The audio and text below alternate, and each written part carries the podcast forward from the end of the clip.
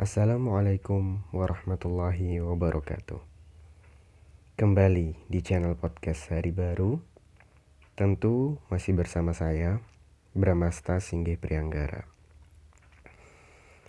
Pernah nggak Anda merasa kalau pendapat yang Anda miliki adalah pendapat yang paling benar? Anda merasa menjadi orang yang paling benar dan orang yang lain itu salah. Wajar sih, namanya juga manusia. Sebenarnya merasa pendapat yang kita ikuti atau pendapat yang kita miliki itu benar, itu nggak masalah. Bahkan harus, harus dong kita merasa kalau pendapat yang kita ikuti atau yang kita miliki itu adalah pendapat yang benar. Karena kalau kita tidak merasa begitu, berarti selama ini kita sedang berada di keraguan-raguan dong.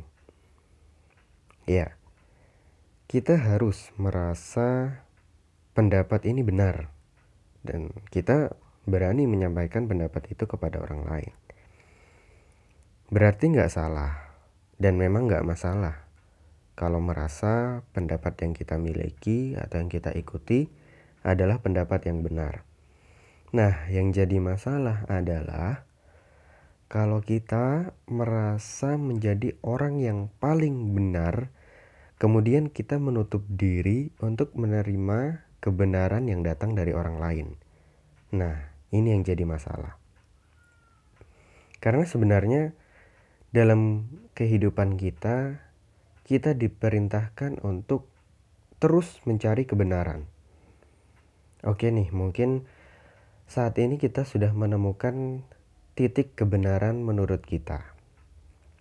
Ya, tapi mungkin bisa jadi menurut orang lain atau menurut kebenaran yang sesungguhnya, kebenaran yang kita percayai itu, kebenaran yang kita yakini belum sempurna atau belum pada taraf kebenaran yang sesungguhnya. Jadi tugas kita apa dong? Ya itu tadi, terus mencari kebenaran yang nggak berhenti gitu sampai akhir hayat menjemput kita nanti. Nah kalau sekarang kita mendapatkan suatu pendapat yang kita yakini atau pendapat kita sendiri yang kita yakin itu benar, ya udah kita jalani pendapat itu sesuai kemampuan kita dan kita berusaha menyampaikan kepada orang lain. Nah, tapi jangan lupa juga untuk kita terus membuka diri kita, membuka pikiran kita untuk menerima pendapat-pendapat orang lain yang bisa jadi pendapat itu benar, yang kita nggak tahu sebelumnya. Karena pengetahuan kita misalkan terbatas pada itu saja gitu. Dengan kita mendengar dari orang lain bisa jadi pengetahuan kita bertambah, kita pertimbangkan lagi dengan pendapat-pendapat yang kita miliki, ya bisa jadi pendapat orang lain jadi benar dan pendapat kita ternyata selama ini salah. Nah, jadi balik lagi, tugas utama kita adalah terus mencari kebenaran, bukan terdiam pada satu tempat yang kita sudah yakini dan kita udah nggak mau cari lagi pendapat yang lain. Nah, itu yang rasanya kurang tepat. Perilaku seperti inilah yang terkadang bisa membuat perpecahan. Ya selain menimbulkan kebencian satu sama lain karena ya saling menyalahkan ya. Kenapa kita nggak coba untuk berkumpul dan bersatu dalam mencari kebenaran? Diskusi bareng lah atau ya cari ilmu bareng. Siapa tahu dengan bareng-bareng kayak gitu kita dapat menemukan satu titik yang itu ya itulah kebenaran yang sesungguhnya gitu. Kita nggak perlu saling menyalahkan. Karena memang gini teman-teman. Kadang ada kebenaran itu yang bersifat mutlak. Ya sifatnya dia mutlak satu. Kebenaran itu hanya satu. Contohnya nih di pelajaran matematika ya sebagaimana yang kita tahu kebenaran itu hanya satu di matematika. Nggak ada kebenaran yang lain. Kalau dua tambah dua ya jawabannya pasti empat. Nggak mungkin jawaban lima. Kalau ada sampai kalau sampai ada orang yang jawab dua tambah dua lima, itu udah jelas banget dia salah. Dan kalau dia masih ngaku bener, berarti ada yang nggak beres di pikirannya gitu. Nah, ada juga kebenaran yang sifatnya ya bermacam-macam ya. Seperti misalkan di pelajaran yang contohnya bahasa Indonesia atau bahasa-bahasa lainnya itu terkadang kebenaran itu menjadi pilihan. Ada kita boleh memilih ini, ada kalanya kita boleh memilih yang ini. Nah, ada pilihan lah kalau untuk pelajaran-pelajaran yang seperti itu dalam memilih suatu kebenaran. Nah, sama pun dalam kehidupan kita seperti itu. Ada kebenaran yang sifatnya satu, ada yang kita boleh memilih. Nah, ini nih yang harus kita pelajari dan harus kita dalami gitu. Jangan sampai ini di posisi kebenaran yang harusnya ada satu dan gak ada pilihan lain, kita malah beralasan, ya jangan merasa paling benar dong. Kan masih banyak pendapat-pendapat yang lain. Nah, itu itu artinya kita belum mendalami ini kebenarannya yang sifatnya bagaimana. Jangan-jangan ini kebenaran yang harusnya cuma satu, tapi kita anggap kebenarannya ada banyak. Nah, juga ada dalam kehidupan kita itu yang memang kebenaran kebenaran itu bisa kita pilih sebenarnya. Kita boleh memilih jalan yang ini dan itu benar.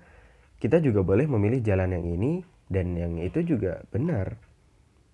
Nah, di kondisi yang seperti inilah yang kita harus berlapang dada. Kita nggak boleh saling menyalahkan karena memang kebenaran di sana ada beberapa pilihan. Ya kalau memang kita memilih jalan yang ini, jangan sampai kita menyalahkan orang yang memilih jalan yang lain yang berbeda dengan kita. Nah, kemudian yang sering juga saya pribadi temukan ya di kehidupan kita selama ini ada orang-orang yang kadang mengatakan bahwa kebenaran itu hanya milik Tuhan. Ya, kebenaran hanya milik Allah dan hanya Allah yang tahu. Ya, per perkataan itu benar, pendapat itu benar, nggak ada salahnya dengan pendapat itu. Tapi yang menjadi masalah adalah orang-orang yang menggunakan perkataan itu mengatakan bahwa kebenaran hanya milik Tuhan dan hanya Tuhan yang tahu. Kemudian dengan kata-kata itu, dia berhenti dan gak mau mencari kebenaran lagi. Padahal tugas kita untuk terus gak berhenti mencari kebenaran. Walaupun kita sudah merasa menemukan ini loh kebenaran yang sebenarnya, tapi itu gak, gak boleh menjadikan kita berhenti untuk terus mencari ilmu dan mencari kebenaran. Nah kalau kata-kata itu tadi digunakan sebagai tameng dia untuk malas mencari kebenaran. Artinya berhenti sampai di titik itu aja. Yaitu jadinya nggak benar. Perkataannya benar tapi digunakan oleh orang-orang yang nggak benar. Nah memang kebenaran itu hanya Allah yang tahu. Hanya Allah yang memegang kunci kebenaran itu. Tapi kan Allah juga memberikan petunjuk kepada kita para hambanya melalui rasul-rasulnya melalui kitab-kitabnya.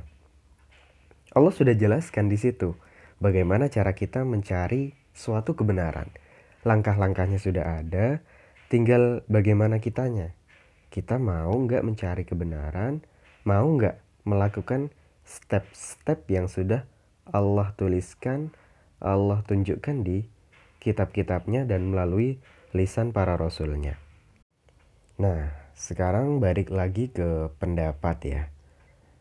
Karena masalah pendapat ini sering kali menimbulkan polemik di antara ya di antara manusia. Masalah pendapat terkadang orang merasa dia yang paling benar dengan pendapatnya. Nah, orang-orang yang seperti ini nih biasanya dia yang belum open minded ya. Orang-orang yang susah sekali untuk open minded. Nah, biasanya nih orang-orang yang masih susah untuk open minded adalah orang-orang yang masih rendah tingkat keilmuannya. Ya sesuai dengan um, quotes ya atau ya peribahasa yang sering kita lihat. Mungkin beberapa teman-teman kita ya teman-teman yang sedang dengerin podcast saya kali ini, teman-teman udah sering dengar uh, perkataan atau kata-kata bijak yang mengatakan ya derajat seseorang dalam menuntut ilmu ya. Biasanya di situ ada ilustrasinya juga tuh. Orang yang baru uh, baru baru di step pertama ada tiga step nih biasanya dalam menuntut ilmu. Ya, orang yang ada di step pertama itu dia merasa bahwa dia telah mengetahui semua ilmu padahal dia baru di step pertama. Nah, ini nih biasanya orang-orang yang baru belajar ya baru-baru lah baru-baru berilmu gitu dan merasa udah dia yang paling wow paling ilmu sudah dia ketahui semua lah gitu ya. Kemudian ketika dia masuk di step yang kedua satu tingkat lebih tinggi dibanding yang pertama tadi. Nah barulah dia merasa kalau ilmunya ternyata tidak cukup ya masih banyak ilmu yang belum dia pelajari, belum dia ketahui ternyata. Setelah dia tadi merasa kalau dia udah paling tahu gitu tentang ilmu rasanya. Itu kalau dia sudah masuk di step yang kedua. Nah, kalau dia masuk lagi di step yang ketiga, satu tingkat dari yang tadi, nah dia akan merasa kalau sebenarnya dia nggak tahu apa-apa sama sekali. Dia akan merasa kalau ternyata dia belum punya ilmu apa-apa. Dari apa yang sudah dia pelajari selama ini. Nah, itulah tingkatan orang-orang yang berilmu. Nah, kalau orang-orang yang masih berada di step yang pertama itu tadi, memang biasanya seperti itu. Dia sudah merasa kalau semua ilmu sudah dia kuasai dan buat apa dia cari ilmu lagi. Nah, bahayanya kalau orang-orang cari ilmu hanya berhenti di step yang pertama. Ini yang bahaya yang bisa membuat perpecahan antara satu dengan yang lainnya karena dia menganggap bahwa dia yang paling berilmu, berilmu daripada orang-orang yang lain. Nah, orang-orang yang seperti ini nih yang masih sulit untuk open minded gitu, membuka pikirannya untuk menerima pendapat-pendapat atau ilmu-ilmu dari orang lain. Nah, karena jujur nih teman-teman ya. Jujur saya juga pernah gitu. Saya pernah merasakan berada di step yang pertama itu tadi. Ketika ya awal-awal dulu saya mulai belajar dan itu memang wajar ya. Wajar. Saya rasa semua orang pernah merasakan step yang itu. Bagi mereka yang pernah belajar tentunya ya. Pasti mereka pernah merasakan posisi di mana mereka baru mengetahui sedikit ilmu tapi rasa-rasanya dia udah merasa menjadi orang yang paling tahu gitu. Menjadi orang yang paling berilmu. Wah, kayaknya nih saya udah tahu semua nih ilmunya gitu. Wah, orang-orang di sana tuh ya salah semua lah. Jujur saya pernah berada di posisi itu dulu dan alhamdulillahnya alhamdulillah bersyukur sekali saya tidak berhenti pada itu saja Alhamdulillah saya masih diberi kesempatan untuk terus melanjutkan kepada step yang berikutnya. Nah, di situlah saya mulai open minded, ya mulai terbuka pikirannya. Oh ternyata kayak gini ya. Oh ternyata kayak begitu, kayak begini. Nah ternyata yang selama ini saya anggap paling benar salah juga ternyata. nah itulah tingkatan orang-orang dalam mencari ilmu. Nah, sekarang bicara tentang open minded. Nih saya pribadi nih ada tips ya buat teman-teman berdasarkan pengalaman saya dan nasihat dari guru-guru saya juga cara agar kita mudah untuk open minded itu. Cara agar kita tidak ya terdiam pada satu titik yang merasa kita adalah orang yang paling benar. Cara agar kita mudah untuk menerima pendapat orang lain, kita tampung dan kita olah lagi, siapa tahu itu adalah suatu kebenaran. Nah, caranya adalah yang pertama, nih, kita tuduh diri sendiri adalah orang yang salah gitu. Setiap kali kita punya pendapat, ya kita merasa pendapat itu benar ya. Untuk menjalani pendapat yang kita pegang itu tadi, tentu kita harus merasa pendapat itu adalah pendapat yang benar. Ya, oke. Okay. Tapi cara agar kita mudah untuk open minded yang pertama adalah tuduh diri sendiri salah. Ya tuduh pendapat kita itu salah. Benar nih kita sekarang menganggap pendapat ini adalah pendapat yang benar. Tapi untuk kita tidak berhenti pada satu titik itu harus kita tuduh nih diri kita. Enggak, pendapat ini salah. Saya harus cari lagi, siapa tahu nanti saya dapat pendapat yang lebih benar daripada ini. Nah, gitu. Kemudian ya yang kedua adalah setelah menuduh diri sendiri adalah berusaha menjadi pendengar yang baik. Nah, ini terkadang ada orang-orang yang memang sulit ya. Mungkin dari kebiasaan dia, dari watak dia memang seperti itu. Dia sulit untuk menjadi pendengar yang baik, mendengarkan apa yang orang lain bicarakan. Ya. Para ulama sering kali berkata, kalau kita kita ingin menjadi pembicara yang baik, maka jadilah pendengar yang baik terlebih dahulu. Kita bercita-cita untuk menjadi seorang orator, pembicara di depan umum yang keren gitu, yang handal. Tapi kita nggak pernah melihat contohnya, atau kita nggak pernah mendengarkan orang-orang yang berorasi, orang-orang yang sudah pandai berorasi, kita nggak pernah belajar dari mereka ya bagaimana kita akan menjadi orator yang baik. Nah sama juga dalam ilmu. Kalau kita ingin memiliki ilmu yang baik, ingin menjadi seorang pendakwah atau dalam bidang ilmu apa pun, yang itu kita ingin menyampaikan ilmu yang kita miliki, tapi kita nggak mau, nggak pernah mau mendengar ilmu yang orang lain sampaikan. Ya bagaimana ilmu kita mau baik gitu kalau sikap kita seperti itu.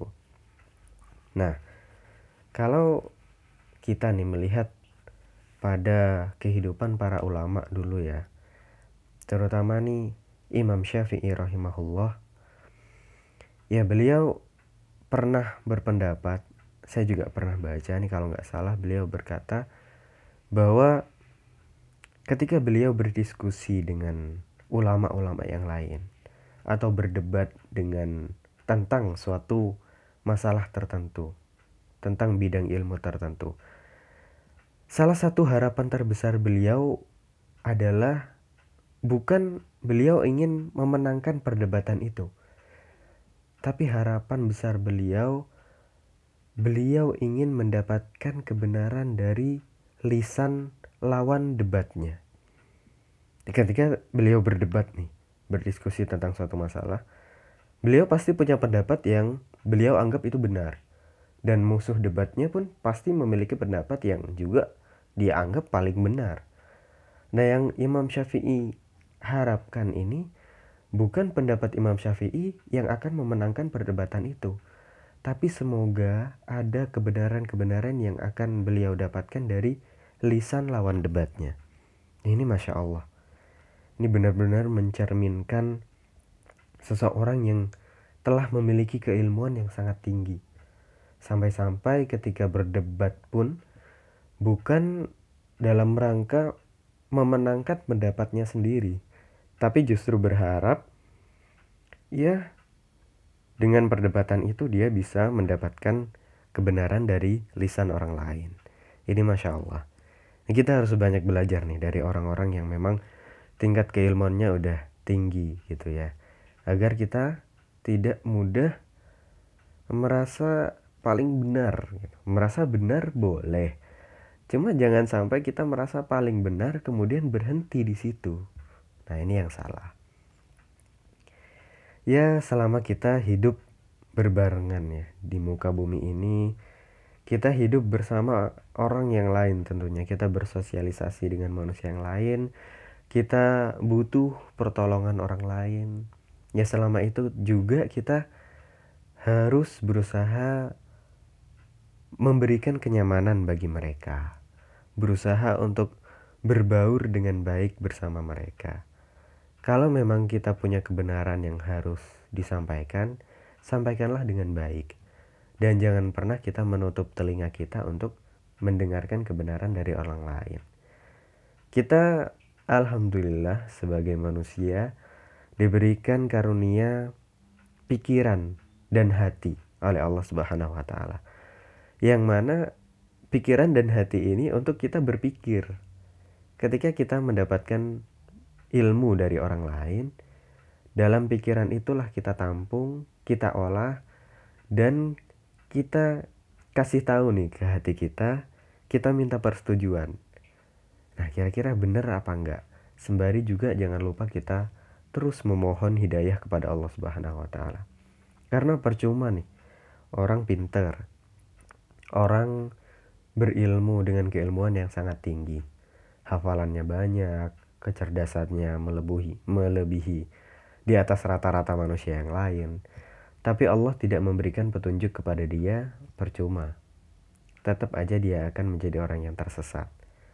Jadi setelah kita usaha untuk open minded tadi ya, untuk terus belajar, jangan lupa yang terakhir adalah terus berdoa kepada Allah, memohon hidayah dan pertolongan Allah. Nah, semoga apa yang kita pelajari selama ini adalah ilmu yang diridhoi oleh Allah, kita selalu diberi bimbingan dan petunjuk oleh Allah Subhanahu wa taala agar kita tidak termasuk kepada orang-orang yang tersesat. Ya, saya rasa cukup untuk episode podcast kali ini. Terima kasih sudah mendengarkan. Assalamualaikum warahmatullahi wabarakatuh.